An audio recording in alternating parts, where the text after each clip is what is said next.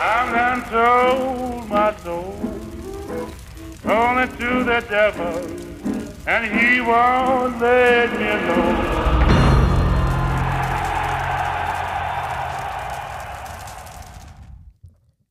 Hej hej, og velkommen til Djævlepakken, en Manchester United podcast for Djævlenes Advokater. Mit navn det er Martin Svar, og jeg skal være svært i dag. Og der, sker, der, sker en, der sker en lidt uvandt situation. Det er første gang, at jeg er på bagkant af et nederlag i vores, i, til vores kære yndlingsklub. Endda et ydmygende et af slagsen, øh, men, men lidt mere om det senere. Øh, men til at dvæle øh, i det sammen med mig i dag, så har jeg indkaldt øh, sædvanlig yderst kompetent forstærkning i form af Svante Vetterren. Velkommen til. Jo, tak. Og Rasmus Dines. Velkommen til. Mange tak. Ja. ja det er vildt, du kan holde den rekord kørende indtil nu. Ja, men så vil jeg snakke om inden her, det er, det er fordi Søren og jeg har jo øh, vi brudt vores rytme, noget med at optage to gange i træk, og sådan så det burde egentlig være Søren ja. i dag. Men så, så får du også en sejr faktisk, siden vi sidste optaget. Det er rigtigt. Det er rigtigt. Ja, det, er, det, det er ikke rigtig klassisk United-nederlag. Men og, Søren. og omvendt, så kan man sige, at han, han skal vist optage efter Liverpool og Bayern. ja, der er to nederlag. ja, men hvis vi har, hvis vi har vendt den om, så, øh, så, så tegner det jo godt. Kan du ikke optage igen på mig? nu, nu er jeg jo ved forbandelsen af brudt. Ja, Nå. Øhm, men øh, også lidt tak for sidst. Selv tak. Ja, selv tak. Det var ja, fandme hyggeligt. Det var rigtig hyggeligt. Der var fællessamling hjemme hos øh, dig, Dines. Ja. Har du fået ryddet op? Ja. Det, og, og hvad siger naboerne? Øh, indtil videre ingenting. Indtil videre ingenting. klager. Ja, øh, og vi, jeg taler selvfølgelig om, at vi, var, vi mødtes jo hele redaktionen plus minus, og så Chelsea-kampen. Sæsonens kamp. Sæsonens kamp, ja. Øh, helt enig. Hvor øh, der var god stemning, og øh, selvfølgelig også en, en kan man sige, tilstedeværende nervøsitet, men det er mm. der vel, når man er United-fan for tiden. Ja. Selvom, øh, selvom det gik godt. Det fede var, øh, Jonas, der laver alle vores videoindhold, han havde sat et kamera op til sådan, ja. at filme os undervejs i kampen, og Dine sagde, når jeg har set de der fancams, jeg har altid tænkt, at jeg har været så opstillet. Men efter lidt, så glemte jeg det fuldstændig. Alligevel så ser man Dines bare glide ned på knæ. ja. vi... ja, det, var virkelig, det var virkelig sådan, jeg altid tænkte sådan, ah, kæft nogle gange, hvis man man, øh, man havde filmet nogle af de, både de dårlige og, og gode momenter. Det kunne være sjovt at se igen. Ja. Øh, men så tænkte jeg sådan, man, man kommer nok til at reagere på, at der sidder et kamera, og så bliver det ikke lige så naturligt. Ja, ja. Jeg ved ikke, men for mig i hvert fald, det er måske også tak med, at desto flere bajer jeg fik Indenborg, så glemte jeg seriøst bare, der var det kamera. Ja, ja, ja, ja det, er helt enig. Jeg var også overrasket over, altså over, hvor mange reaktioner der kom i det der. Det var ja, der er mange gyldne imellem, ikke? Det var Jonas, der bare begyndte at smide det ind i vores messenger-tråd, og jeg flad og grin ja, det er, Jeg bliver nødt til at lave noget nyt, til at få mere meme potentiale. ja, lige præcis. Og Måske du mod Liverpool, det kunne være rigtig grimt. Oh, altså. uh, ej, ja, nå. Øh, ja, ja, der var også mange, der har sagt, at vi er nødt til at samles noget mere, fordi kan man sige... Altså, okay, det er en Steam på en, men det, det, det, er en Steam. Det er stadig bedre, end det ellers er gået nærmest. Ja, det, ja, lige præcis. Nå, men inden Så Liverpool-kampen. Du kalder, du, du, du sender et signal op. Dørene åbne. Dørene åbne. Okay, det må vi lige, uh, det må vi lige snakke om. Øhm, men inden vi kommer så langt, og vi skal i gang med dagens program, jamen, så skal vi jo lige runde vores samarbejdspartner for Pundit Games. Og det er jo her, hvor vi, uh, vi prøver at quizze lidt, og får ikke udvandet Pundit Games' øh, spørgsmål, så, så prøver jeg at, at opfinde mine egne spørgsmål, og opfinde forstået på den måde, det er stadig faktuelt korrekt, yes. men sådan, at de ikke indgår, så vidt jeg ved, i Pundit Games' øh, kartotek her. Øhm, så nu, øh, jeg har prøvet at tage fat i en, af noget, en højaktuel spiller i det her tilfælde, og øh, så spørgsmålet lyder, i øh, hvilken sæson eller, eller hvilken sæson var den mest succesfulde for Anthony Martial i hans United-tid, og under hvilken træner var det? Vi snakker, øh, når vi snakker succesfuld, så er det sæson med flest mål i alle turneringer. Jeg ved det godt. Mm. Jeg har et bud, men jeg er, ikke, jeg er ikke lige så sikker, som jeg kan høre Dine sagde, men det er jeg selvfølgelig aldrig. Nej, øh, men det, det, så starter vi hos dig, Svante. Så mit umiddelbare gæt vil være, at det var under Solskær. Ja, det, det er korrekt. I er det fair nok, at jeg bare gætter? Vi ved, du kan den alligevel. 2021? Nej. Nej. Tæt på året før. 1920. 1920, ja. ja. Jeg var i tvivl om det, om det var sæsonen før Bruno kom til, eller om han... Øh... Ja. Jamen, det var i... Hvad var din? Nu må du ligesom forklare, fortælle ja. historien. Øh, der var jo en sæson, hvor det ja, kørte godt for ham, tydeligvis. Mm. Øh, der var noget med, at han scorede 23 mål i alle turneringer. Mm. Men var det så der, hvor hvem kom til og tog hans... Var det Lukaku, der kom til? Nej, det kan det ikke have været. Det var under Mourinho. Det var der, I... Eller var det... Åh, Der, jeg er, så- der er jo historien med Martial, der er jo sådan, lidt, hvis han spiller godt, så sker der jo noget, som jo fjer, altså et var der Ja. nogle Zlatan, der kom og tog hans rygnummer. Og, Når du tænkte sæson efter, kom der en og to. Ja, det er et eller andet. Det var Cavani, ikke? Var det Cavani, der kom sæson efter? Ja, Ja. ja. det. Og så, så fadede han stille og roligt ud. Ja. ja. Ja. Det, det skulle også til at se, det var den sidste, sidste gode Anthony Michel. Han, han forduftede med coronavirusen, skulle jeg sige. Hold nu op. Ja, det, Ham og økonomien gik samme vej. Ja, det er ikke Ja, okay. ja. Fint. øh, nå, men øh, det var ja, det, igen som sædvanligt, men Svane, det var... Øh, Det var jeg sige, det, langt det var fra. delvis imponerende. Det var ikke langt fra, nej. øh, du var inde på noget af det rigtige. Delvist imponerende. Øh, men det er jo så stadigvæk inde på Pundit Games, at øh, man kan anskaffe sig det her fantastiske brætspil. Øhm, og ja, jeg tror, vi siger det hver gang. Nu, nu er det jul, så er det en oplagt gaveidé. Også fordi man kan få de sædvanlige 20%, hvis man skriver djævlene. Det var djævlene som rabatkode. Yes, Ja. det er præcis. Så det, det nu, var en øh, god sådan mandel, øh, mandelgave. Det kunne også godt være. Især hvis øh, no- nogen i selskabet, ikke alle holder... Nej, okay, det er jo sådan selvfølgelig Premier League, ikke? men ikke er fodboldinteresseret. Er det Det er jo både Premier League og Superliga, og øh, altså der er mange forskellige kategorier ja, i det. der er alt muligt, så ja. Jeg har bare kun øh, givet dig alle øh, Premier league Nå, det er derfor, okay. For vores egen skyld, tror Ja. jeg. Men det var det. Var det. Øhm, skal vi så ikke til at komme i gang med dagens program? Jo.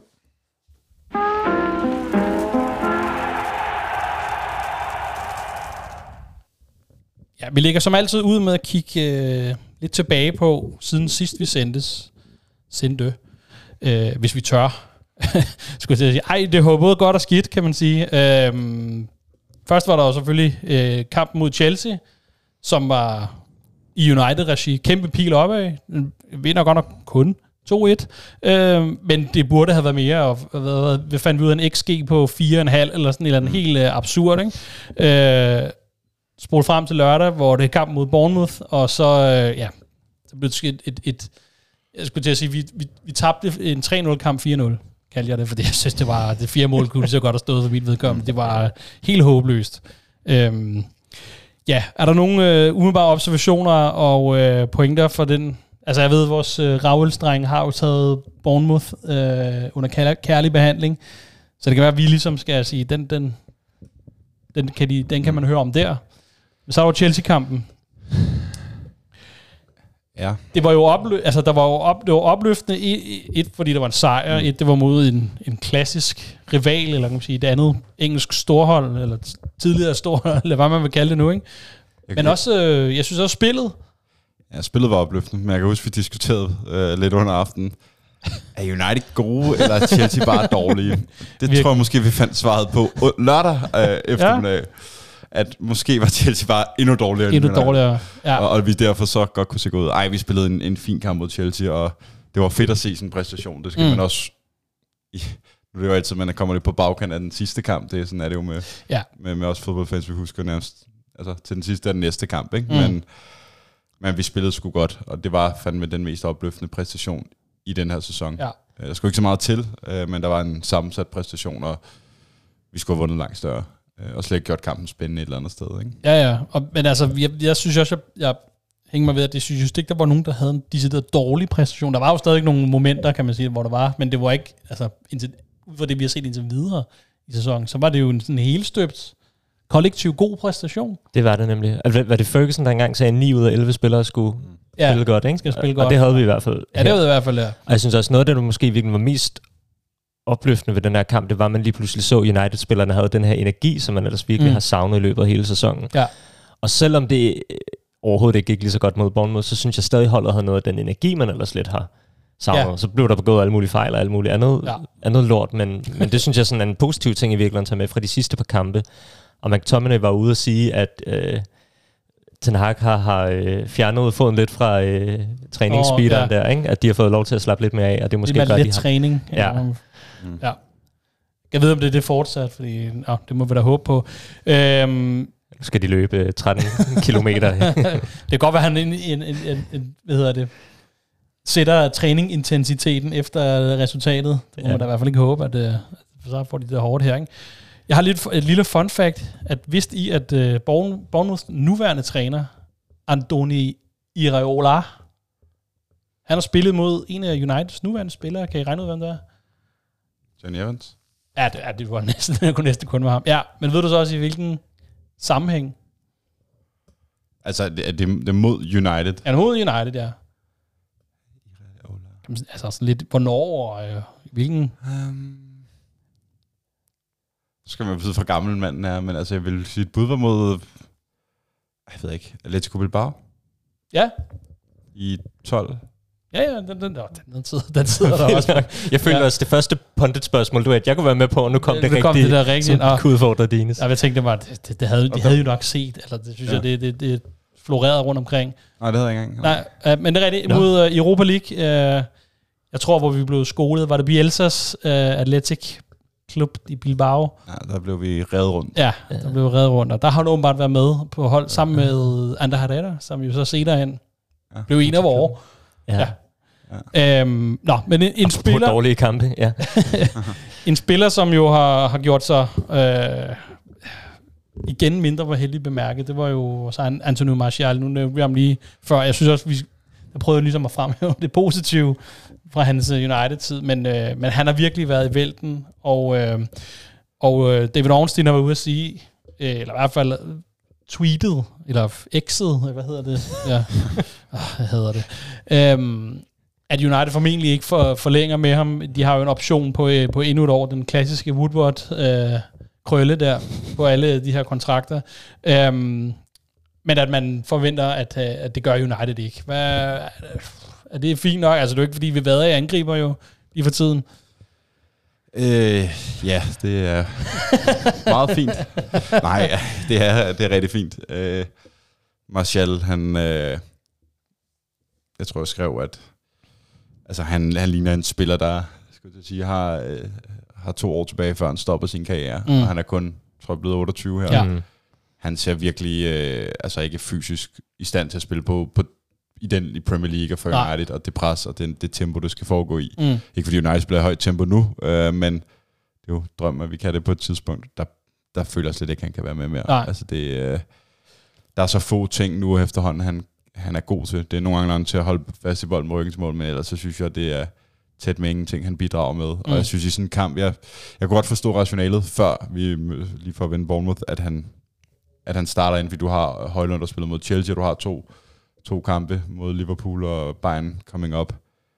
Men altså, det er jo ligegyldigt at slå indlæg, for han, han, Ja. han angriber jo slet ikke bolden, han søger det jo slet ikke. Jamen, han ser ud, så altså, han ligner jo, at han er dobbelt så gammel, som han er jo. Altså rent... Jamen, altså, når han skal vende, jeg ved ikke, hvad det er, er sket med ham, men altså, han er ligesom om, han har mistet al, øh, hvad kan man det, fleksibilitet og, øh, hvad hedder det, øh, smidighed nede i benene. ja. Det er jo sådan en trepunktsvending, han laver. han skal bruge 3-4 berøringer på at vende sig øh, Og vende sig rundt. 30 grader. Ja. Altså, det er fuldstændig sindssygt. Altså, Men altså, at, og det er jo ikke nogen hemmelighed, han har været meget skadet. Uh, jeg Ja. skulle lige så sige uheldig med skader, men, men altså, så, ja, det har han jo været. Um, og det har selvfølgelig taget noget af, af kan man sige, af brøden af, af, af hans spil, øh, tydeligvis. Men jeg tænker, der må nok næsten også være noget mentalt. Det har vi jo, nu snakker vi om det der tidligere omkring, at når der kom en, en spiller og pressede om lidt, Mm. øh, så har han ligesom mistet den opadgående form, han har været inde i. Ja, Og det viser jo lidt, at han måske ikke er den stærkeste mentalt øhm, til ligesom at kunne stå imod det, at der er konkurrence. ja. Øhm, Men altså, jeg tænker også på altså sådan resten af sæsonen. Øh, det er måske fint nok. Altså, vi kan nok være enige om, at det her med at forlænge med ham, det, eller at man ikke gør det, det er nok meget fint.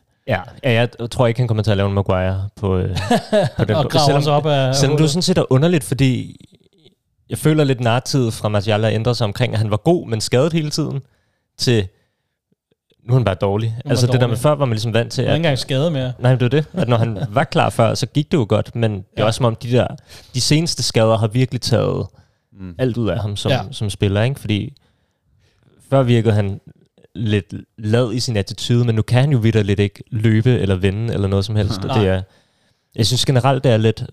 Men det er jo tangerende til, at man altså slet ikke kan bruge ham. Altså han jo, fungerer jo nu som aflastning, gætter jeg på, mm. for Højlund, øh, som jo et øh, selv er lige kommet til holdet, startede med en skade og er 20 år gammel. Altså det er jo ikke, fordi han skal jo ikke bære det her Så det, det er jo klart, der er behov for en eller anden form for aflastning på ham. Øh, men det virker jo som om, at det kan næsten ikke engang bruges til, eller hvad? Er det, for, er det lidt for hårdt sagt? Ja, det ved jeg ikke. Altså, han er i hvert fald, det er vildt, hvor inkonsistent han er. Mm. Altså, fordi det er virkelig bare sådan, han, nogle gange så får man jo det der, så spiller han en ret fin kamp. Ja. Meget sjældent. Og så er det sådan, så går der bare fem dårlige kampe. Ja. Og, og det, det er bare så frustrerende at, altså at være vidne til, fordi så kan du nemlig, nemlig ikke bruge ham som aflastning, fordi det kan godt være, at Højland ikke scorer mål, men han bidrager på en eller anden måde i presspillet og i, og i duelspillet, og ligesom han altså fylder noget op på Mm. toppen, men her føles det så nærmest som om, vi ikke spiller med angriber. Altså han Ja. er dels ufarlig, men han giver bare heller ikke noget i, I opspillet til... i opspillet rigtig mere, tredjedel. nej. Øhm, og jeg synes, altså, der var nogle sekvenser i den her kamp, der var mange, der ikke spillede øh, godt, øh, men der var nogle sekvenser, hvor der var sådan, hvis ikke du presser, og hvis ikke du er farlig ind i boksen, okay, fair nok, det er ikke dine spidskompetencer, men så skal din teknik, og det er, når der kommer nogle afleveringer op på dig, til du kan lægge af, det skal også sidde der, for ellers så bidrager du virkelig bare med ingenting. Ja, Og det var sådan, det føltes, øh, synes jeg, da han spillede øh, i lørdags. så var sådan en klods, klods om benet. Nå ja, men det føltes som om, vi ikke havde en angriber, og det var også Ja. ja. derfor, man aldrig sad med følelsen af, at der, der kunne blive scoret for, for hans fødder. Mm. Jeg tror også, det er blevet endnu... Altså fordi, når Martial fungerer, er han jo sådan set en fed type Ja, ja. spiller, men jeg tror også, det er blevet sværere for ham, det at man skulle gå ind og aflaste Højlund, fordi de typemæssigt er så forskellige Er fra forskellige, hinanden. Og det gør også, at Ten Hag, når han spiller med Martial, er nødt til at lægge spillet an på en anden Mm. måde, fordi du har ikke den her spiller, der kan gå op og presse. Du har ikke den her spiller, der tager de løb ind i feltet. ja. Du har jo i virkeligheden en ekstra tier, ikke? Altså, øh, som så åbenbart ikke kan vende og ikke kan lægge op til de andre længere. Men, men det er bare to vidt forskellige angribertyper, ja. som gør, at du er nødt til at spille på forskellige måder.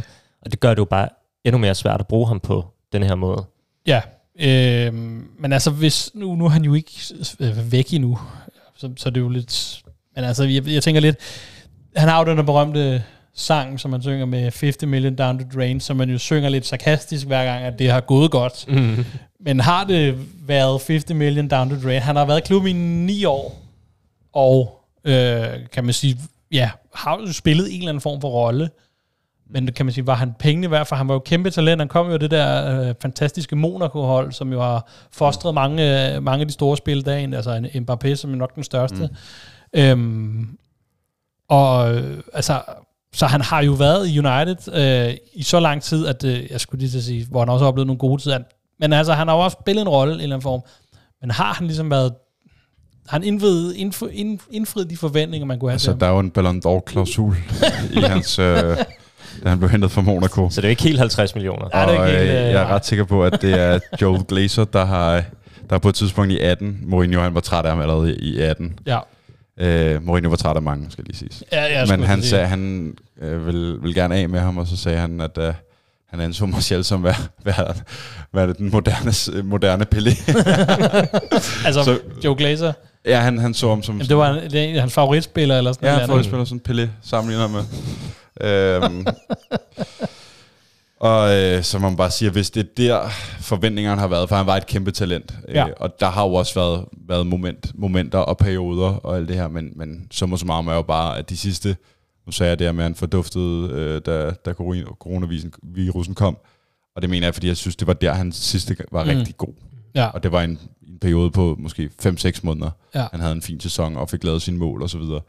Men resten af tiden, og i for mange perioder har det været alt for inkonsistent, for mange skader, øhm, for en attitude. Øhm, altså, det har ikke været... men det, er jo, det har han jo også været kendt, altså den der udstråling, han har. Det er jo meget sådan, ikke, jeg vil ikke sige sur, men sådan lidt meget øh, alvorlig type. Øh, hvor han, altså, det, det, er jo ikke, det er jo sjældent, han vi ser ham smile, for eksempel, ikke? Mm. Øh, så, så, men har, har det måske heller ikke talt til hans fordel, at han, han, hans udstråling måske heller ikke sådan virker, som om at han... Det er jo klart, det er jo lidt som vi snakker med Rashford i, i krisetider, så er det jo sådan noget, man slår ned på. Ikke? Ja. Øhm, hvis han havde lavet sin mål, så tænker man ikke rigtig Nej, nej. over, om han smiler eller ej. Nej. Altså, det er ikke sådan det, der, der kommer mest på. Men det, jeg synes jo bare, han, han, er, han, er, han svinger alt for meget. Mm. Øh, og, og jeg synes bare, i de sidste 3-4 år, der har der været en håndfuld gode, gode kampe, han har haft. Ikke engang perioder. Så ja, han er... Nu, nu afslører jeg lige, hvor dårligt jeg husker, men noget han... Fordi jeg kan huske, at hans preseason under Ten Hag i hvert fald var ret vild.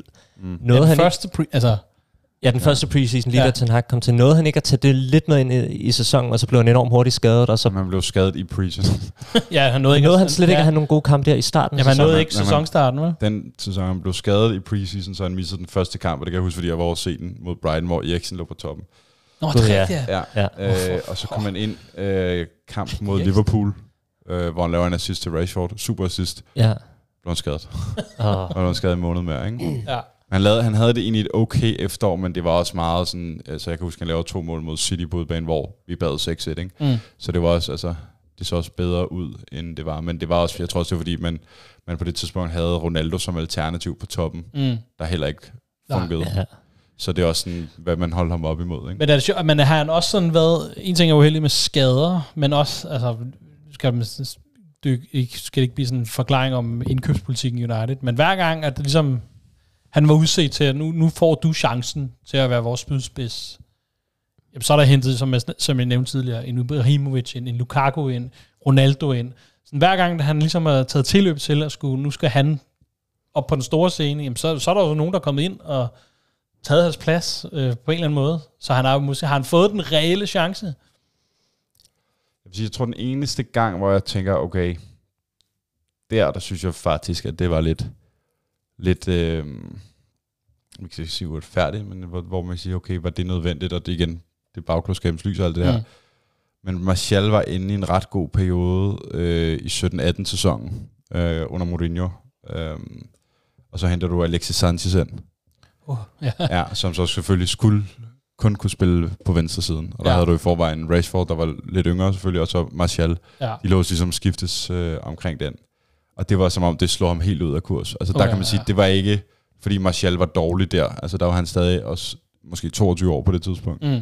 Øhm, og så henter du øh, Alexis ind, fordi City var ved at få Ja, ham, for, ikke? for, for en helt sindssyg, trækker de ikke for en helt sindssyg kontrakt. Ikke? Ja. Ja. Det er den eneste gang, hvor jeg tænker, okay. Øh, der var blevet så let måske.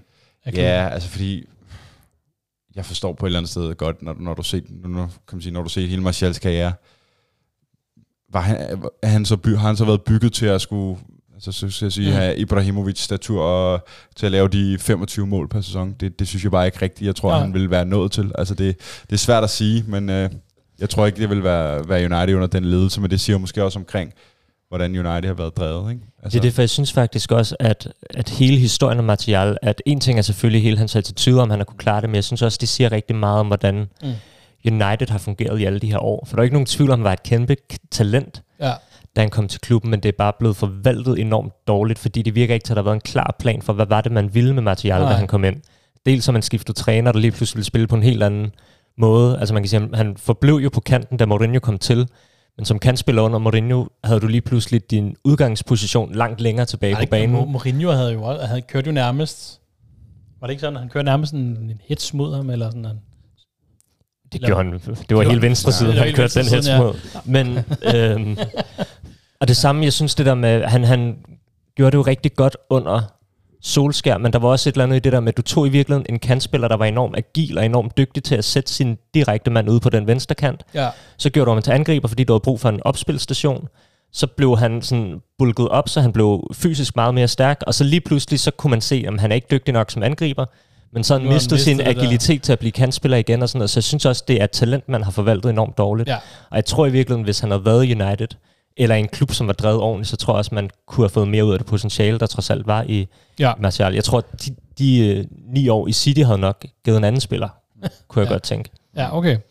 Så, øhm, så, så er det sådan lidt ve- vemodigt, hvis, når hvis han, øh, han stopper i klubben? Altså, eller, hvor- eller sådan en, man bare tænker, åh oh, gud, det, det er alt for sent, han bliver skibet afsted. Det vil man jo nok føle, og det er det også. Øh, og jeg tror, at de fleste vil have det fint nok med det, fordi det har været så sløjt i så mange år. Ja. Jeg tror mest bare, jeg har den der ærgelse over, at man, man ved, hvilket talent han besad, og det er aldrig blevet forløst. Jeg har lidt det samme på samme måde med Pogba. Mm. Pogba var jo så vanvittigt vild, og hele hans karriere er blevet smadret i United, og så har han også selv gjort en del Ja, til for det her, Ja. senest med hele- hele sit uh, doping ja, crap, ikke? Altså, så det, det er bare sådan en tristhed over de her store talenter, som i virkeligheden har en, en spillers karriere er jo ikke så lang, det er jo 10-15 år, og Mm. når man bare ser de her spillere, der rent faktisk har potentialet til at kunne noget, aldrig nogensinde få lov til at få Nej. vist det.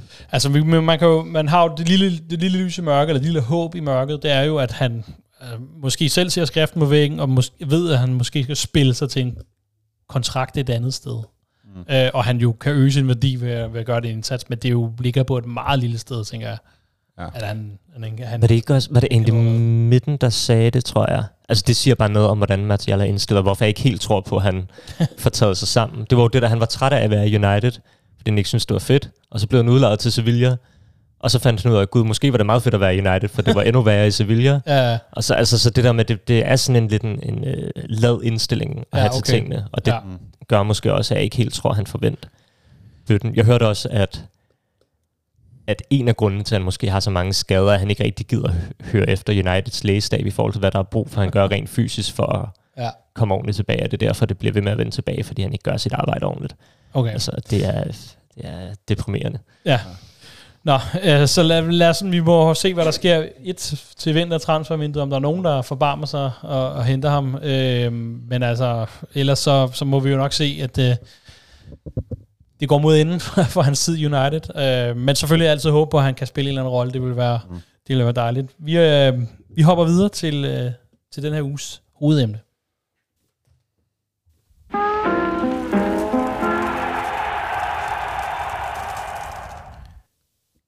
Ja, øh, inden vi går i gang med hovedemnet, så skal jeg også lige sige, at øh, vi er jo glade for den støtte, vi får ude blandt øh, vores lyttere, og, øh, og vi kan jo se også, at vi, at folk har været gode til at være inde og, og, og anmelde, anmelde os. Ikke anmelde os, men... Nej. Giv kommer- stjerner. Ja, giv nogle stjerner og øh, positive anmeldelser vores vej. Øh, så, og det er vi rigtig glade for, så, det, så der skal lyde en, tus, en stor tak til, til jer derude. Og selvfølgelig øh, til jer, der endnu ikke har gjort det, hvis tid og mulighed og lyst, så, så, så hjælper det jo kun os, og det hjælper med at sprede vores, øh, vores glade budskab øh, ud i øh, United, det danske United-landskab, lad mig sige det sådan. Men øh, lad os komme videre til hovedemnet. Øhm, jeg har døbt den her lidt, øh, måske lidt i afmagt, men jeg har skrevet, hvad er det, et Erik Ten Hag ikke kan se, der er galt?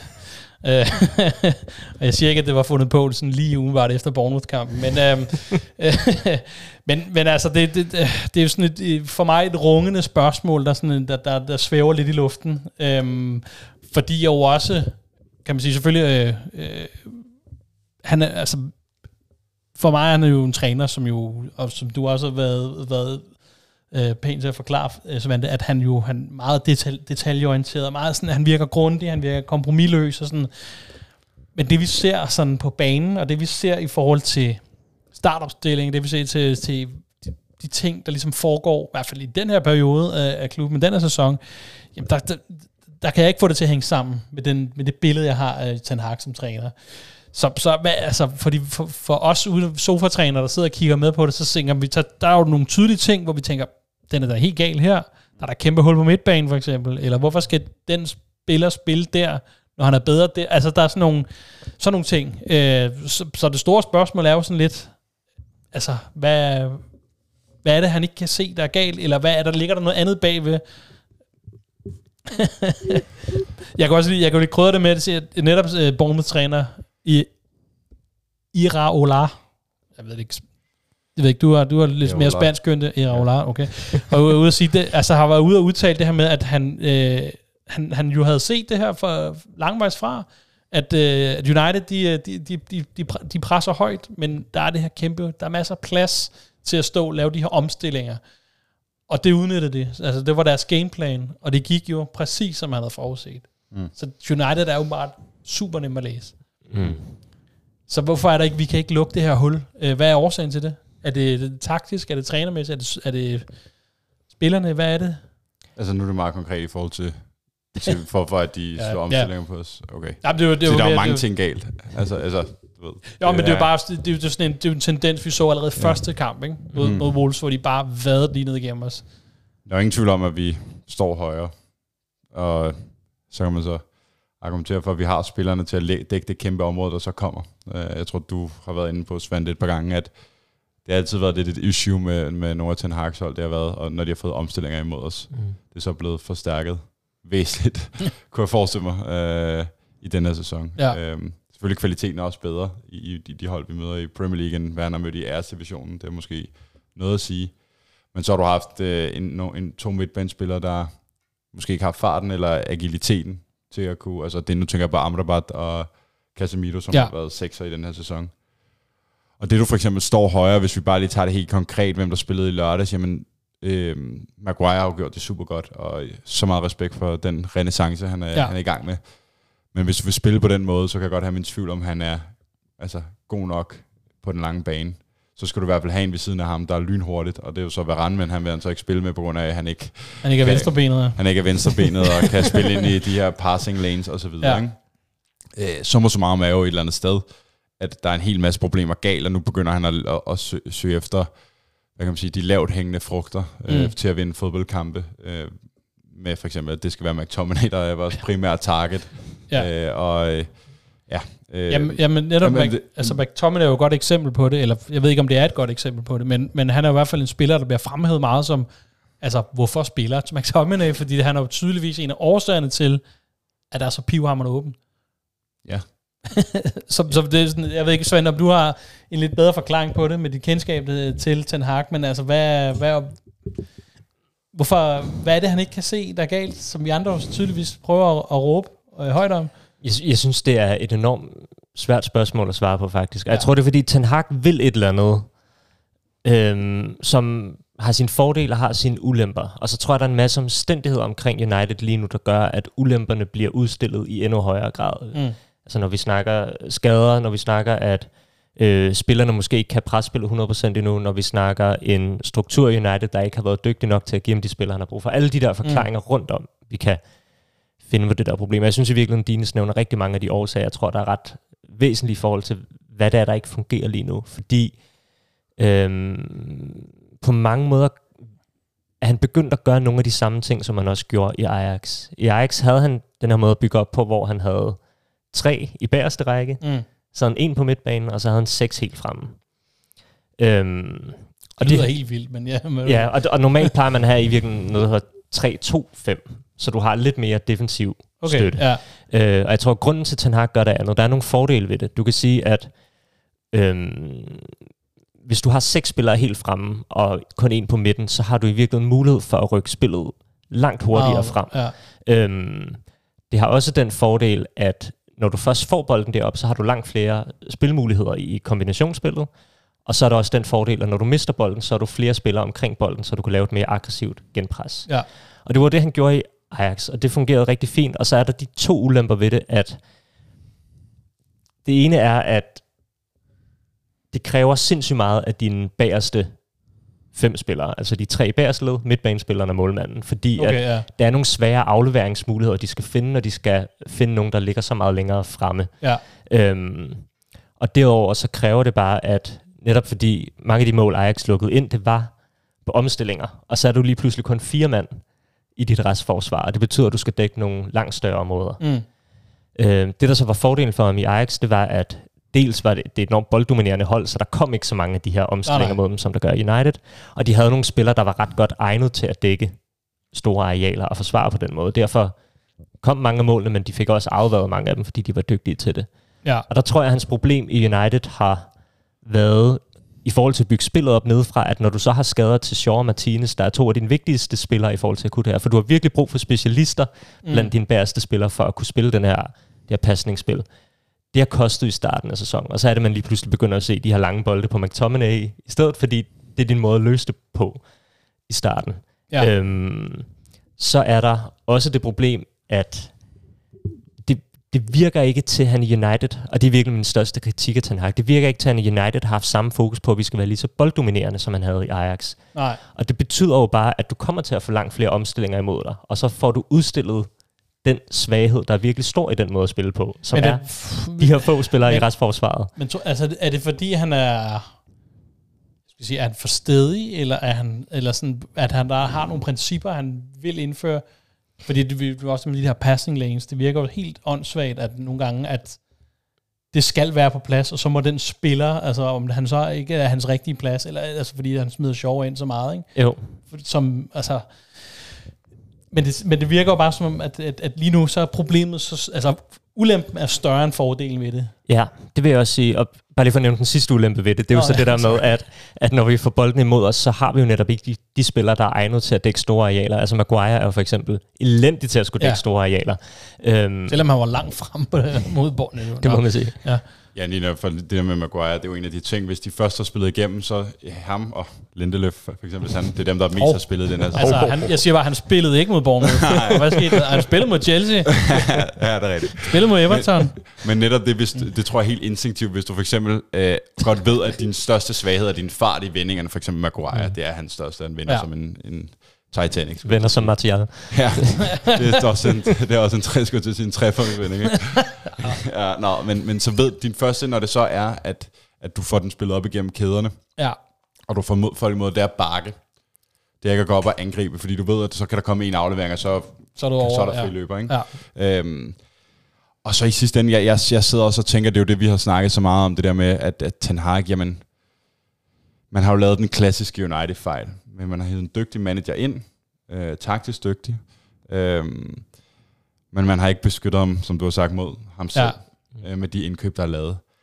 Er der også bare spillere, hvor vi har hentet ind og tænkt, jamen, de har måske bare ikke den fornødne kvalitet, Mm. som Jeg, Altså. synes, jeg synes, det var interessant. Det er... i hvert fald betalt for mange penge for, for nogle af dem. Åh oh, ja, tydeligvis. Og, og så kan du sige, for eksempel, lad os bare tage den offensive del. Øhm, Martial, snakker vi, nævnte vi før, men han er færdig. Øh, bliver nødt til at spille, fordi du skal afløse en 20-årig angriber. Og en på venstre kant, der sætter du dit håb til en 19-årig argentiner. Det er bare for at sige, at du sætter pres på nogle helt unge spillere, som mm. måske ikke allerede skal være der. Det er dem, der skal... Altså, de skal være der, når de er 24 og 25. Men det er jo sjovt også, altså jeg, jeg tror det er Talkative Devils den her uge. Karl Anker, han, han nævner også og siger, at han gennemgår nærmest holdet, mm. hvor han siger, du har en midterforsvar, vi prøvede at sælge i sommers. Vi har en anden midterforsvar, som er bedst på venstre bak. Vi har en venstre bak, som vi har hentet ind på sådan en emergency loan. Mm. Øh, så har vi en højre bak, som er sådan øh, lidt god til det hele, ikke rigtig god til noget. Mm. Øh, altså, hvor han, hvor han bare gennemgår, så har vi McTominay, som jo øh, er- god til at løbe i feltet sent, men, men ellers ikke, altså sådan, er sådan helt, og en- endnu en, en central midtbanespiller, som også er hentet ind på sådan et emergency loan. Øh, mm. Altså, bare, der er meget sådan tydeligt af de her spillere, og så siger du selv, der er nogle unge spillere op foran, som skal, som skal bære rigtig meget byrden. Så, Præcis. så når du går gennem holdet, så er det bare sådan, Ja, vi så allerede, altså, vi var allerede copy mine win, ikke? Og, og det er jo også, fordi vi bare er så desperate. Altså, fordi mm. det er jo en, også en 18-årig knæk, som jo også kommer til at have øh, totalt mange udsving, hvis han, men, men det er jo det, vi sidder og tænker, at vi prøver at finde de her, de her håb rundt omkring, fordi ja. at det bare ikke, øh, hvad hedder det, fungerer. Jeg synes jo også, altså, nu ser vi holdet der, Amrabat og Reguilon, øh, det er jo også to spillere, der er hentet ind som nødløsninger et eller andet sted. Ja, ja, og dem har der jo reelt set været fire af, ikke? både en Sabitzer og en Weghorst, hvor også, Præcis, Så og det nogle- hænger jo så også sammen med klubbens økonomi og alle de her ting. Ja, Ja. Så det er jo et eller andet sted, er det jo bare en, en, en imponade af, altså, af, altså, skal jeg sige, lort på lort, ikke? Altså, du bare lægger sammen, og så giver det bare, hvad hedder det, øhm, det vi ser nu. Ja. At, der, at der bare ikke nogen, altså, du, du lapper et hul et sted, og så opstår der to nye øh, et andet, ikke? Altså, ja. Øhm, jeg kommer til at altså sådan lidt, lidt i, kan man sige, i forlængelse af altså, det hele McTominay, vi har jo selvfølgelig snakket om ham før, men altså den, kan man sige, den ineffekti- ineffektivitet, jeg prøver at sige, som, som offensiv, den ligesom har, har, hvor stor en betydning har den for holdet? Fordi jeg tænker, grunden til, at McTominay spiller så meget, som man gør, det er jo fordi, at man har jo set et eller andet sted, okay, der, de angriberne, eller de, de, de angrebsspillere, vi har, scorer simpelthen ikke nok mål, og han mm. scorer trods alt mål. Så må man leve med, at det så åbenbart er, Kick and rush. ja, lidt kick and rush, og, og, og der opstår en masse plads øh, i omstillingerne for, for, modstander, for modstanderholdet. Men altså, det er sådan, så, så har det, er, er det også en af årsager, altså det, det er mere for at se, hvor, hvor, hvor, hvor starter kædereaktionen? Altså, hvad tænker du på det forklare? Ja, jeg tænker, altså, i og med de offensive, hvis, jeg tænker, hvis Martial, øh, ikke, måske ikke så meget ham, men Rashford, øh, Højlund, øh, Garnacho til dels, Anthony, altså hvis de scorede øh, på de mål, de, altså de mål, vi regner med, de skulle, Ja. jamen så var der måske ikke behov for at sætte en McTominay, eller han havde spillet så central en rolle på holdet, når han tydeligvis ikke udfylder den rolle, som en central midtbanespiller skal kunne Ja. i på et United Ten Hag hold, ikke? I virkeligheden synes jeg jo på nogen måde godt, man kan trække nogle tråde til det, man så med Ronaldo, da han kom Ja. til klubben. Altså det her Hem, med... hem, skal vi nu have hemskoen? Hemskoen. Men altså det her med, at man har en spiller, der scorer rigtig mange mål, men som øh, kommer på bekostning af det generelle spil. Mm. Og det er det, man også ser med McTominay lige nu. Han er på holdet, og det har nogle bekostninger i det generelle spil, som i virkeligheden burde gøre, at vi kunne kreere flere chancer, der skulle give mål. Ja. Øh, og så fjerner man det for så at håbe på øh, McTominay for at Ja. øh, lave nogle vilde hovedstød, ikke? Ja. Øh, og det kan jo Det godt og det kan jo godt have sin Men- men, fordel nu, fordi vores andre offensive spillere ikke kan score. Men, men det er sjovt også, det- altså, jeg tror, var det de mål, han lavede mod Chelsea, jeg tror ikke, men som, som jeg lige husker det udenbart, så, så stod han lige en meter foran Rasmus Højlund. Altså, Mm. så han står nærmest oveni den angriber, valget har, som vi gerne håber på, skulle score målene. Så selv når han laver mål, Så så, tænker er det, du, at så, jamen, så virker det som om, han gør det, at han, altså, han tager det et andet sted fra.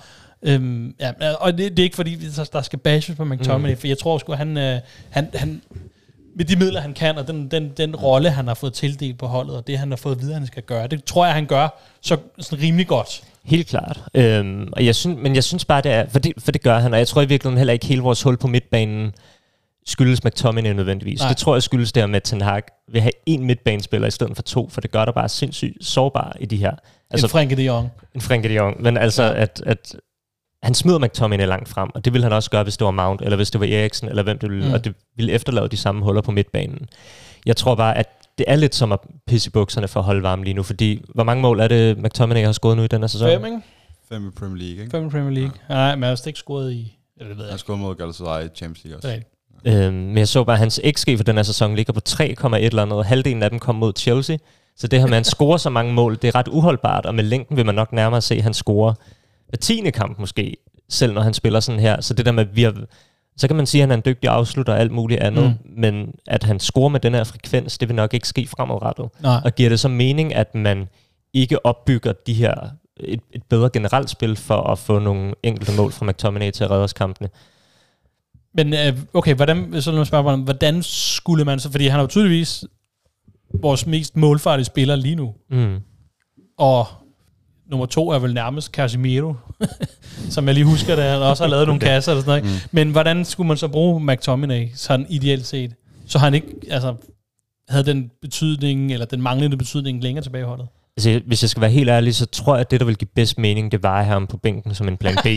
Jamen, ikke, ikke noget ondt imod det, men, men bare, at når han scorer de her... Jeg spørger til, hvor du bruger ham på holdet, og så ser du på bænken. Det er fedt. Nå. Øhm, jamen, bare fordi han scorer de her vigtige mål, men lad os hellere få det ind til slut, når vi har Ja. brug for det, fordi vi mangler et mål, end at det bliver plan A fra starten af. Mm. Øhm, og ellers så er det jo sådan noget, men det er jo også det, vi gør nu. Vi har ham jo hængende bag en angriber. Han, vi bruger ham jo i den position, hvor han er bedst, Mm. som er, at han skal tage de sene ja. løb ind i, i feltet. Jeg vil så sige, i forhold til Højlund, øh, jeg tror nærmere, at McTominay også får så mange chancer, fordi Højlund faktisk er god til at tage løb, fordi det giver plads til Ja, det giver noget plads. McTominay. ja. Han fik ikke scoret de her mål mod Bournemouth, når det var Martial, der var hans angrebsmarker Ja, det er deroppe. rigtigt. Ja, det er måske meget godt set. Ja. Ja. Øh, nå, men okay, men jeg, jeg, men jeg prøvede også ligesom at lave et lille oplæg til dig, at du skulle sige, at han skulle op på... På angriberposition. Ja, Ja. vi har jo Martial, der snart skal afsted, så det giver jo en, øh, en god aflastningsmulighed. Ja, vi skal have en aflastningsspiller Ja. deroppe. Jeg vil, jeg vil gerne prøve det, men jeg kan også godt forstå, at jeg tror, han er bedre til at komme sent ind i feltet, end han er til at ligge der fra start af. Altså, Ja. jeg tror, han i virkeligheden en hængende angriber, ikke? Det kan være, vi skal spille 4-4-2. Var det ikke det, Van der Beek skulle kunne? Jo, jo, det har jeg også tænkt på. Ja, og det er jo sjovt, at han ikke har kunne forløse ham igen, men altså, det er jo en helt, helt, anden snak. Det kommer nu jo. Det Når Bruno... Øh, Når, ja, når han ikke skal... Oh, ja. Øh, hvad hedder det? Hvis vi igen vender lidt tilbage i, øh, tilbage i banen, altså der er noget, jeg kan ikke huske tallet, men der har jo noget med, at øh, den forsvarskonstellation, der er blevet anvendt, det er jo nærmest en ny hver eneste gang. Og jeg var lidt inde på det, at nu har man jo øh, Esther Shaw, øh, Luke Shaw kommet tilbage, så har man brugt ham som central midtvandsspiller, fordi, ja nærmest fordi han er venstrebenet. Selvfølgelig har han også en betydning i opspillet, men det har han jo også ude på venstre kant, hvor, hvor mange vel mener, han er bedst. Og man kan sige, at han er jo selvfølgelig også lidt øh, ramt af, Luke Shaw, at han både, både kan spille begge pladser, så selvfølgelig kan han jo... Øh, men igen, hvis man sådan ser på kollektivet, jeg tror, det er lidt sådan, prøver at spørge ind til, det er jo det her med, at, han, at placere spillere på placeringer, eller i hvert fald positioner på holdet, hvor de ikke yder det bedste for holdet. Mm. Altså, det, jeg ved ikke rigtig, um, altså, det, det, det virker bare underligt, at man sådan vedholdende har et princip om det, at vi skal have en venstrebenspiller øh, på venstre centrale midt, øh, undskyld, centrale bak, centrale midterforsvar, øhm, men at man andre steder er så villig til at gå på så meget på kompromis, øh, som vi også har nævnt lidt et par gange. Vi har, man har en Varane siden på bænken.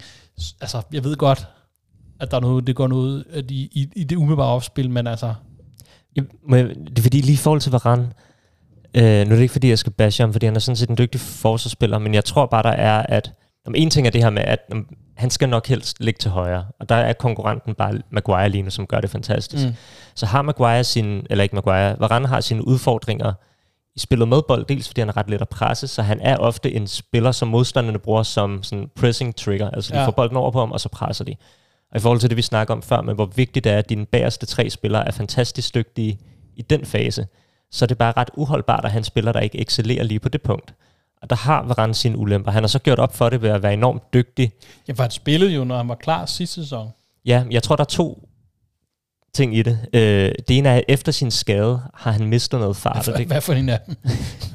en af de mange af dem. Han har, dem, ja. jeg synes, man har kunne se det i den her sæson. Han har mistet noget fart, og det gjorde den fordel, han havde i forhold til netop at agere retsforsvar og dække st- store områder. Han har ikke samme fordel længere. Mm. Øhm, og så tror jeg, at han sidste sæson var beriget af, at vi havde det Gea, så vi havde et spil, hvor vi ofte spillede langt, så hans evner i opbygningsspillet, Mm. eller manglende evner i opbygningsspillet, øh, udgjorde ikke en lige så stor øh, Nej. usikkerhed, som det gør nu, hvor vi i højere grad gerne vil forsøge i hvert fald at spille op nedefra. Og jeg tror lidt årsagen til, at vi har sjov ind centralt, har de samme årsager. Det er nemlig det her med, at vi skal have nogen, der virkelig excellerer blandt de tre bagerste. Og der er sjov bare nok vores dygtigste sammen med Martinez. Mm. Så når Martinez ikke er klar, så er der en enormt stor fordel i at få sjov dernede, fordi at det er på en eller anden måde helt udgangspunkt for vores offensive spil. Det er, at vi Men kan du have mener nogle ikke, det koster dernede. for meget øh, på den venstre bak, som... Jeg, jeg tror, det ville koste os mere, hvis vi havde Shaw på en venstre bak, og så havde en midterforsvar, der ikke var dygtig til det, fordi så ville vi alligevel aldrig formå mm. at få bolden derop. Okay. Øh, så jeg tror i virkeligheden, det handler om, at man skal, man skal have lagt de bedste puslespilsbrikker, Ja. eller øh, Lego-brikker, eller hvad fanden det er, nedefra og op. Altså, vi skal ligesom have bygget Og fundamentet. Øh, Ja, og hvis du skal det, jamen så er øh, Shaw lige nu en bedre klods dernede, øh, okay. som, som skal lægges rigtigt. Men, som du så heldigvis skal rykke ud på en venstre bak, når Martinez kommer tilbage på et tidspunkt. Men, okay. men bliver problemet ikke lidt det der med, at, at altså, forstår det fuldt ud, men mm, mister man så ikke bare lidt den, den hvad kan man sige, når du så ser længere frem på banen, hvor at han så afviger fra det, han gerne vil, fordi man må gå yeah. ud fra, at McTominay ikke er en Ten Hag spiller, altså han vil efter sin måske have solgt om i ja. sommer. Så, så selvom han er en dingse, så kan det godt være mere vildt, kan han ikke. Altså man må virkelig komme mange røde æbler hver morgen for at overbunde ham over.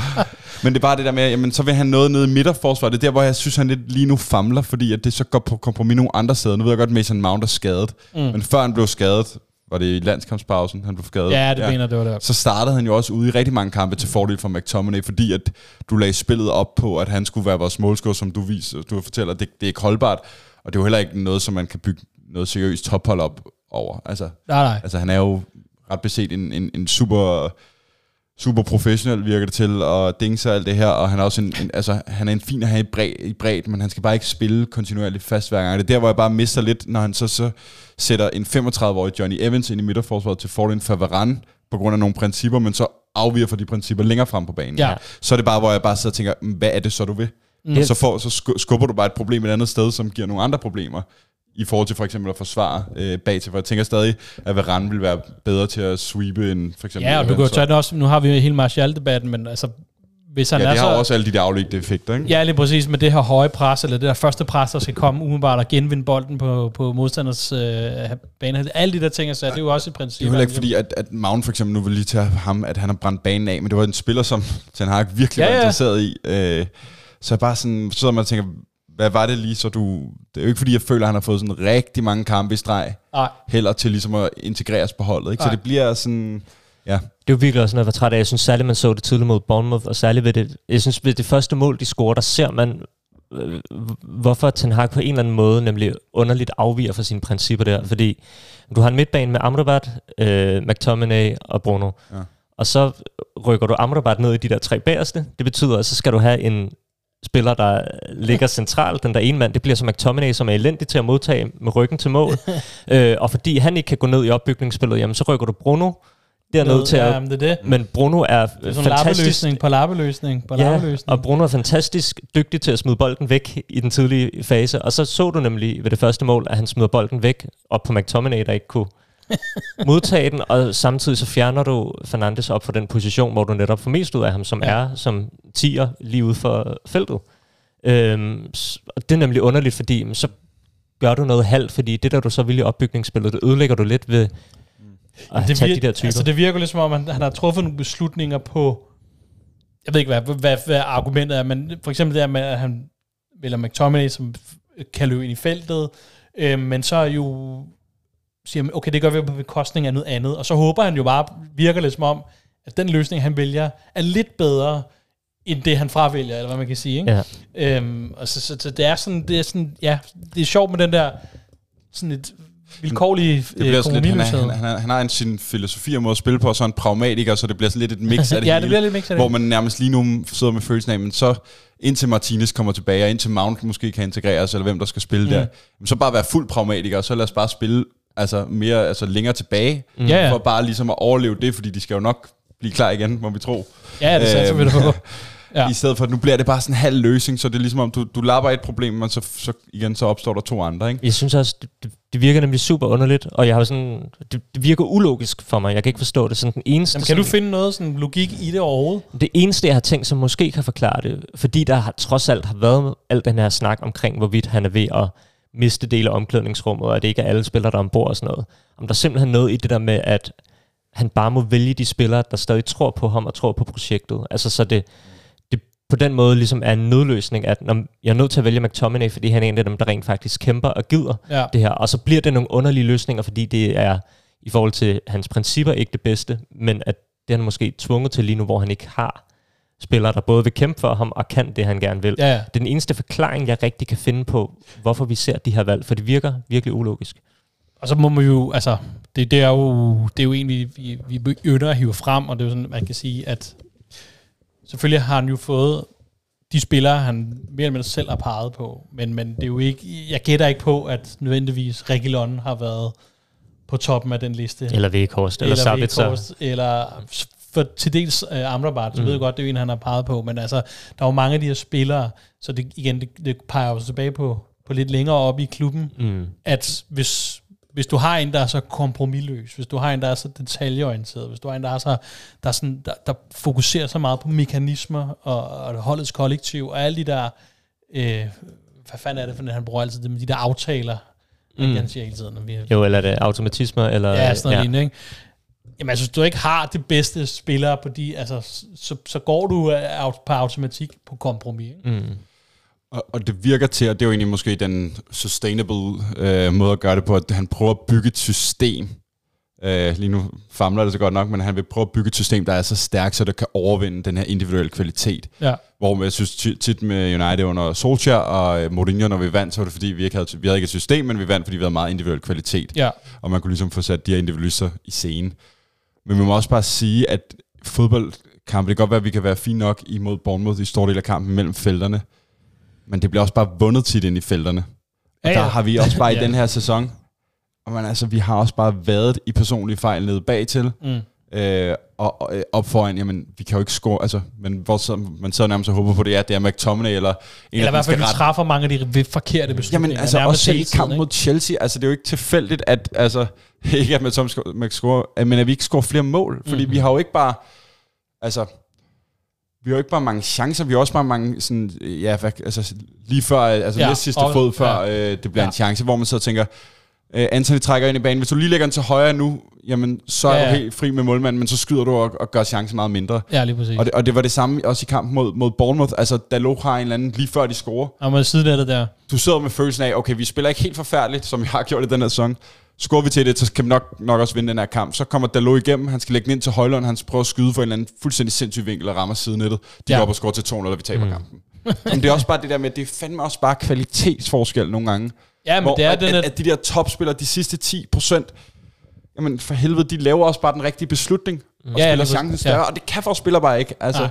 og det, det, det, nu bliver lidt, uh, det er et rant det her, men altså, bliver bare sind, jeg, jeg bliver bare sindssyg af at se på det også. Ja. Altså, fordi så kan det jo være lige meget med systemet, hvis ikke de har den fucking kvalitet. nej, nej, det er det, og- og man kan sige, jeg tror, mange af spillerne, lidt, lidt i trum, det du siger, de falder jo lidt tilbage på det, de føler, at de kan gøre selv. Altså, jeg så, jeg så også en Garnacho, og det skal siges, han, er, han har været faktisk været en af de lidt mere positive spillere i, i, i denne, men det var meget med, at han, den sidste aflevering ind for mål, det var tit i foden på en forsvarsspiller. Det kan man sige, så er det et godt forsvarsspil, men det må man også lige, så må man tage en anden løsning, eller øh, en Anthony, som absolut skal ind på den der, ind i banen for at lave et eller andet. Og man sidder, man sukker nærmest, hver gang han får bolden, fordi man ved, det, altså det her med, i stedet for at tænke chancen større, så, så gør de det, sådan de føler, at det kan jeg bedst, det er tryggest ved at gøre, eller et eller andet.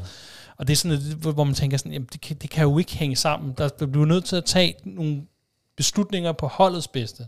Og det kommer i, i, i sidste ende, så det er en kvalitet. At det Ja, ja. kommer i bund og grund også an på af rekruttering. Altså fordi, Anthony, hvis du har købt ham for 30 millioner pund, Ja, fair nok. så fint nok, men det er jo det, han har kostet så meget. Det er jo det, der så er taget for pengebudgettet Ja, ja, andre, mange andre, til ja. du ikke kan købe øh, for eksempel til bredden, eller have, en, have andre spillere. Eller have bedre spillere. Det er jo det, vi håber, at Ineos kan komme og redde for os. ja. Beskyt Ten Hag med at købe spillere, for han arbejder sammen med. Og jeg synes jo også, at, at det er jo ikke fordi, at Ten Hag ikke skal have kritik, fordi der er meget kritik af ham, og den er velfortjent. Jeg tror også bare, at der er nogle omstændigheder, der i virkeligheden har gjort ondt værre. Mm. Altså, Ten Hag gør nogle ting lige nu, som ikke virker til at være... Altså, som virker underlige på mig. Øh, men der er bare... det, det, lyder sådan, det gør ondt på. men, men, men der har bare været mange ting, der har bare været mange ting omkring det, som jeg tror, at de her problemer, han måske i virkeligheden har med det, han prøver at indføre lige nu, Ja. ja. er blevet forstørret. Fordi virkelig i forhold til noget af det, vi snakkede op helt fra start af, øh, han sagde jo på sit allerførste pressemøde, at når man har sine principper, men det skal tilpasses, hvad han ser som Uniteds DNA. Ja. Og det virker lidt til, at han nemlig har taget nogle af de her principper fra Ajax, som passer til United omkring at spille direkte hurtigt op, om at være aggressiv i sit genpres, alle de her ting.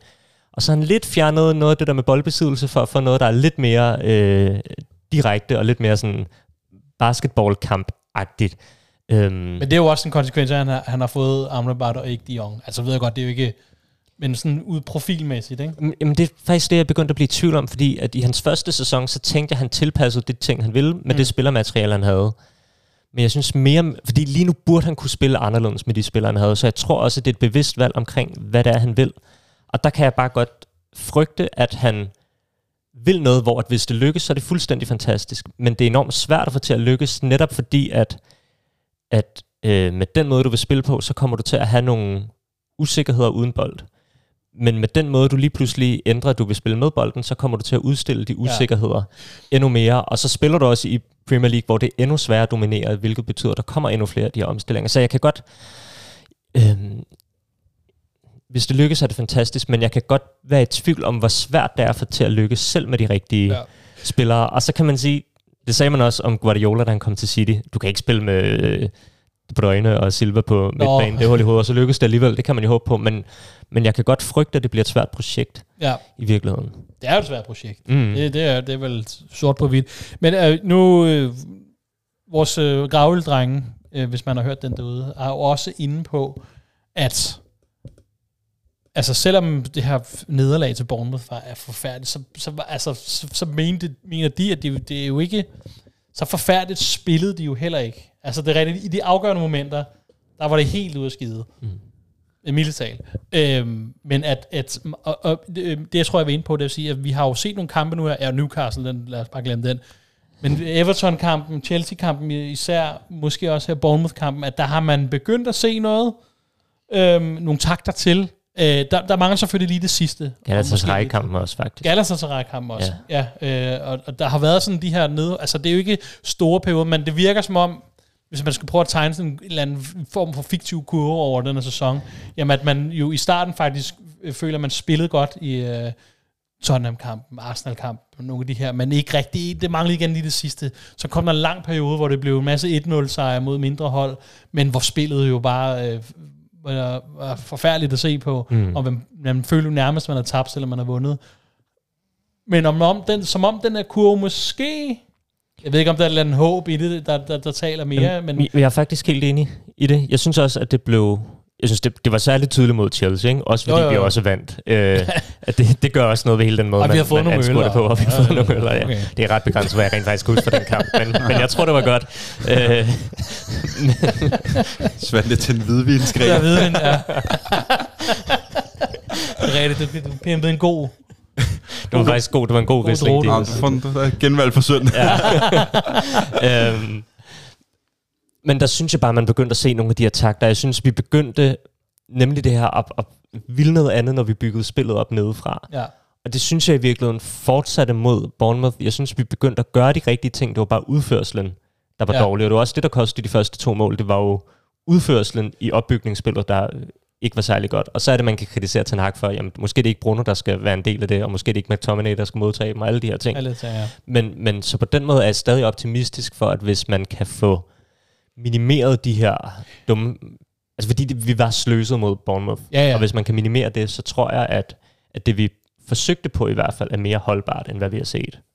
Så er det ikke helt forkert, at periode. der måske begyndte at være tegninger til, at oh, det, er, altså, det er lidt, måske lidt søgt, men at det begynder, at der begynder at være noget, ikke, oh, f- ikke noget regelmæssighed, i, i, i, men, men at der er nogle spilmønstre, måske der er måske noget intern forståelse, der er ved at, sådan at opstå.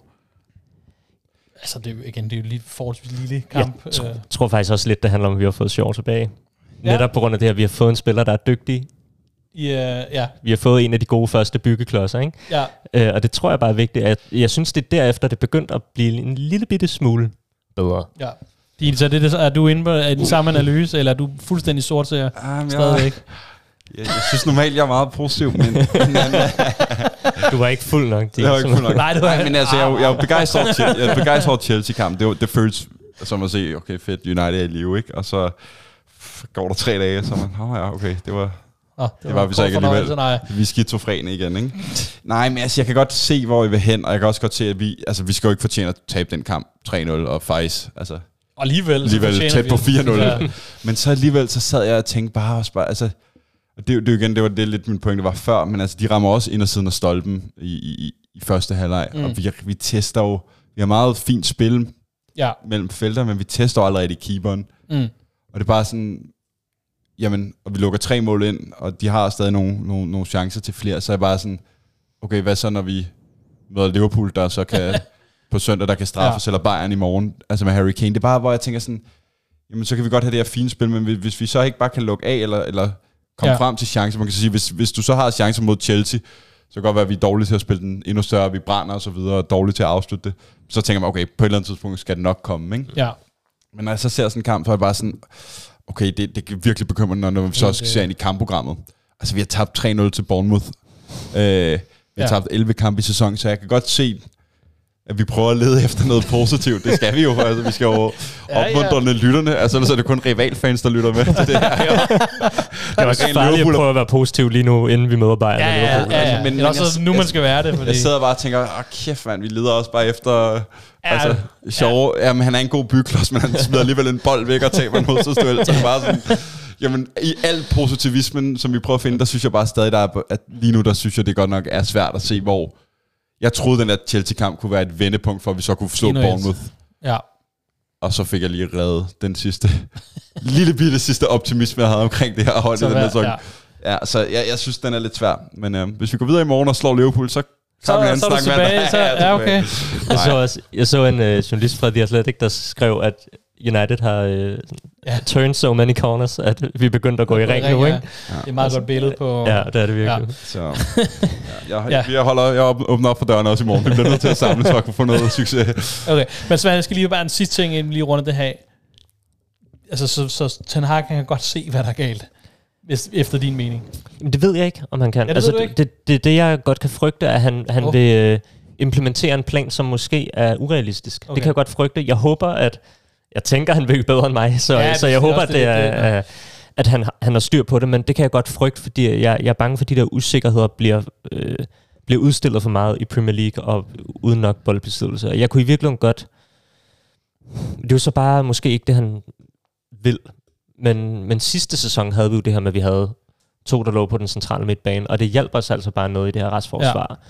Ja. Øh, og jeg kunne godt håbe, at vi måske forsøgte at gøre det samme igen, for jeg tror, det ville hjælpe os ret meget, at vi fik en ekstra midtbanespiller, når vi byggede op, og vi havde en Mm. ekstra midtbanespiller i retsforsvaret, så vi ikke altså, ser så tynde ud, hver gang vi øh, får modstanderne imod os. Og det skal ikke være McTominay. Du tænker Kobe Mino?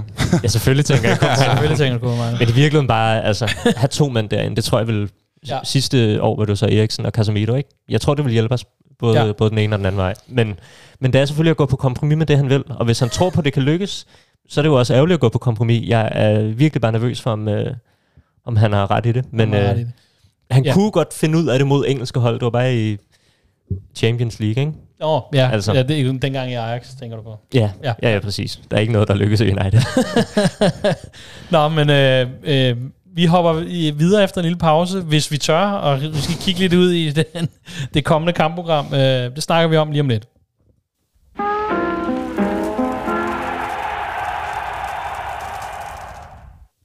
Ja, vi har jo nævnt et par gange, at øh, fra nu af og hen mod jul, øh, så, så der kommer nogle interessante opgør øh, med nogle interessante modstandere, øh, som jo, øh, hvad kan jeg sige, vores Uniteds form taget betragtning, måske kan se lidt faretroende ud.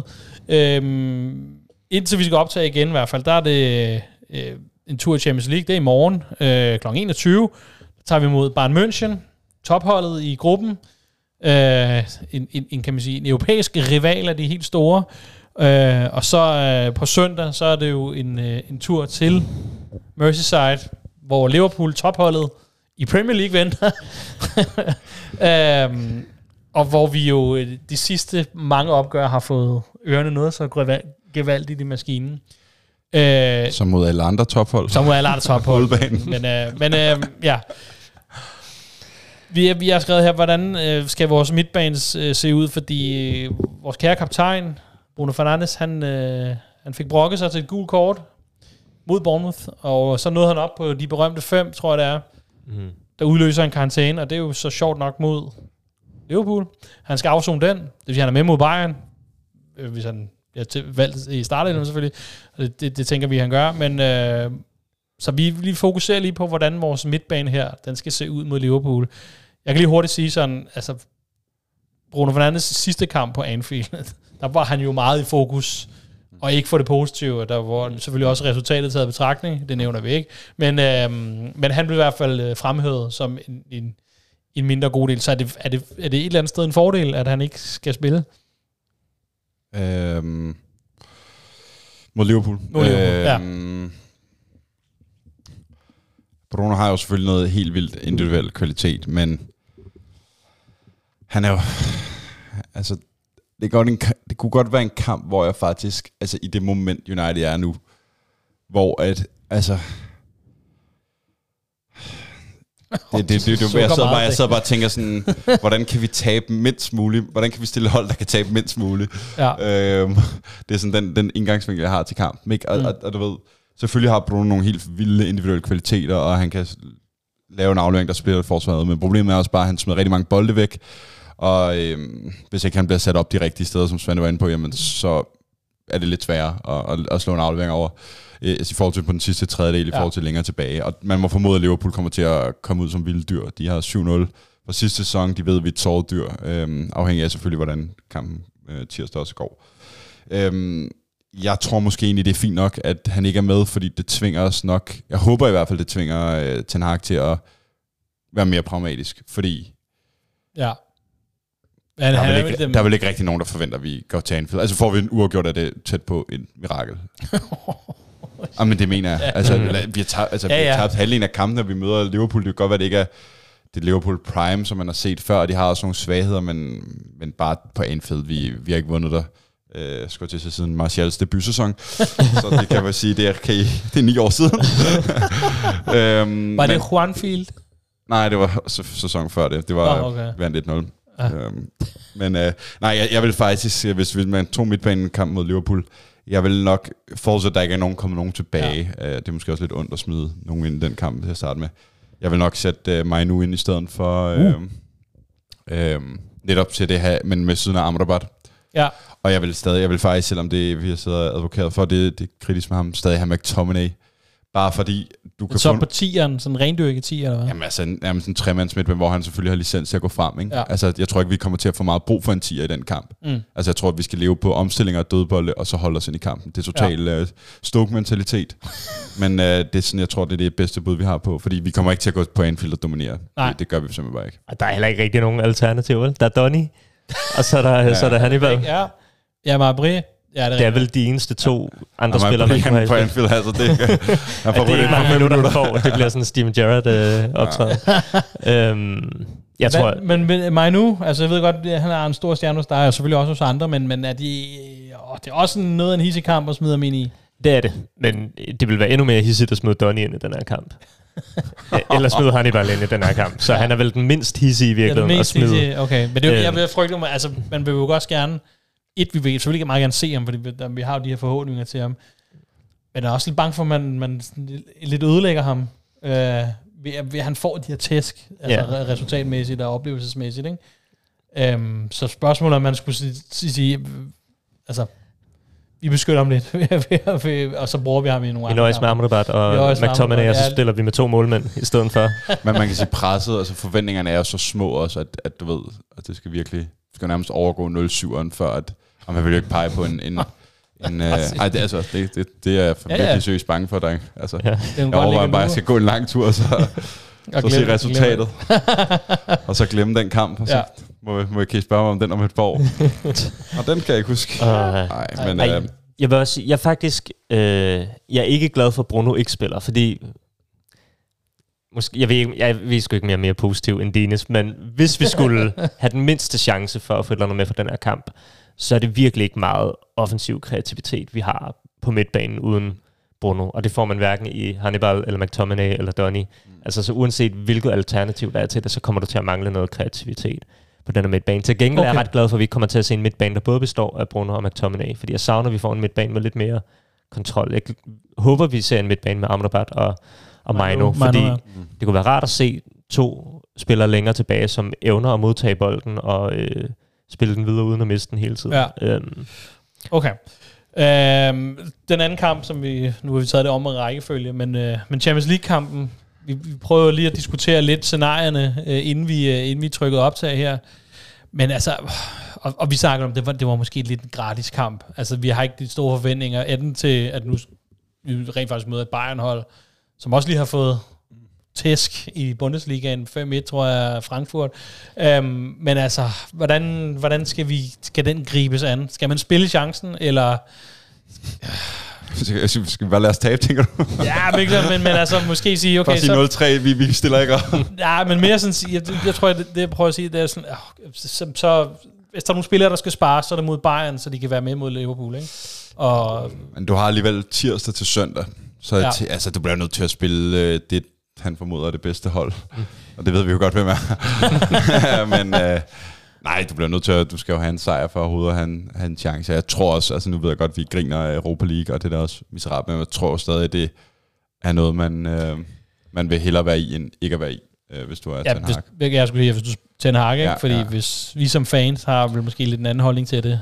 Glazers vil sikkert også gerne. Der er Ja, det vil- ja. ikke, mange penge der er i Europa League Nej. overhovedet, men det gør vel en eller anden forskel for nogen, der tæller Jeg vil, alle sige, jeg, vil sige, at jeg, havde, jeg vil ikke have noget mod det, hvis det var, man så behandlede det netop som en, lidt en sekundær turnering. Mm. Hvad ligger uh, Sevilla i Champions League? Hvad ligger de? Uh, går de Nej, jeg tror, de ligger, de er, de er vist ret redselsfulde faktisk, så jeg, jeg tror, de, skal, de har en lille chance for at gå videre som træer. Bare vent til de møder United. Ja, det, er det, semifinalen. det, det, er jo det, der, det er jo det, man sidder og frygter lidt. Ikke?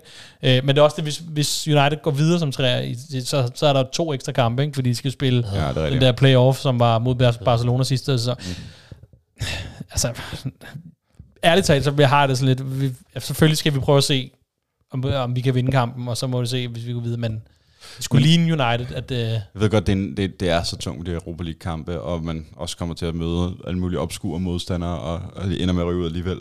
Øh, men det kan jo potentielt set være den sidste vej til at komme til Champions League næste sæson.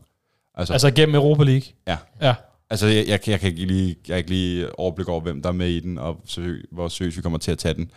Men som ligaen tegner sig, så er der i hvert fald tre tophold, hvor vi ikke kommer til at nærme os dem. Og så er der Aston Villa, som er lidt en, en outsider, ikke? Ja. Øh, Men femtepladsen kommer også nok også til at give Champions er League. Ja, det, der er en relativt, tror jeg, stor chance, uden at kende hele matematikken bag, øh, Ja. for femtepladsen også giver. okay, ja, det, er selvfølgelig, det giver selvfølgelig noget, ikke? Men, Ja men det pointen er bare, at det, altså, det kan være en indgangsvinkel til, øh, Mm til, til Champions League, eller så går der Det er jo sådan 18 helt Mourinhosk, at den korteste vej til Champions League, det er gennem Men man er Europa jo også noget den der destruktive tanke, hvor man tænker sådan, hvorfor skal vi overhovedet i Champions League, når vi så røver ud og bliver Ja, ja, i det var sådan lidt- Men det var også, man magter heller ikke bare at skulle spille alle de der Europa League-kampe, for så tabe finalen til sidst på Nej, det- nej, lige et eller andet lorte straffesparkskonkurrence, ikke? Gå dårligt negativt til sommer. Øh, Ja. Det var også før EM-slutrunden sidst. Ja, det er Ja. super. Okay. øh, så øh, jamen lad os, øh, lad os lade den være der, og så giver jeg glæd, glædeligt... Øh, Prøv høre. Det, det eneste, der bare ikke må ske i morgen, ja, det er, at vi gør vores arbejde og slår Bayern, og så fucking scorer det en af de andre hold i overtiden, hvis den står uafgjort. Så lad det vel i mindst bare være afgjort tidligt. tidligt. Enten at vi har tabt til Bayern, at man kan se, okay, vi er bagud 3-0, Eller eller de andre, de fører 2-0, stukket af, eller, eller, eller et eller andet. ja, Ikke? okay. Eller fører 2-1, men bare ikke, at den står 1-1, og man så sidder og har det der H, lille håb. lille håb, og så får du bare den sidste dagger i den her gruppespil. ja.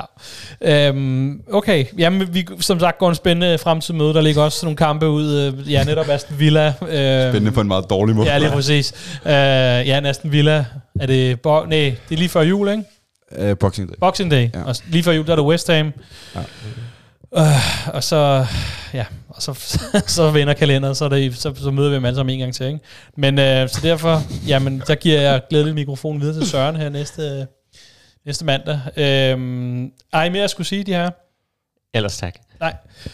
Så, øh, så vil jeg bare sige, at I husk, I kan følge os på alskens sociale medier med Facebook og Twitter, Mm. Instagram og TikTok, tror jeg også, vi findes på. Jeg ved jeg ikke, jeg er slet ikke på sådan nogle Peter gik jo TikTok viralt for TikTok nogle uger siden. viralt, ja. Øh, ja. Og du finder os ved at søge på øh, djævlene, og det er med AE, mm. danske A. Det er internettet stadigvæk ikke fundet ud af. Øhm, så øh, så, så der, der forsøger vi at lave noget. Vi har også øh, vi har haft Jonas, vores, vores øh, kameramand, skulle jeg sige, i studiet. Og, og jeg tror også, vi også vi har gjort afsnittet lidt længere, for jeg ved, at han skal på en tur til Jylland i morgen, og han vil gerne have noget at lytte på, så, så vi har prøvet at trække den lidt. Øhm, men Han må ellers, lytte til det to gange. Ja, jeg må lytte til det, så det passer om, så er han nok fremme i Varde, hvor han skulle, hvor han skulle lande. Ikke? Øhm, men ellers så tror jeg, det var de, de sidste bevingede ord herfra. Tusind tak, Svante, for denne gang. Selv tak, Martin. Tusind tak, Rasmus Dines. Tak. Yes, vi lyttes ved derude. Tak for nu.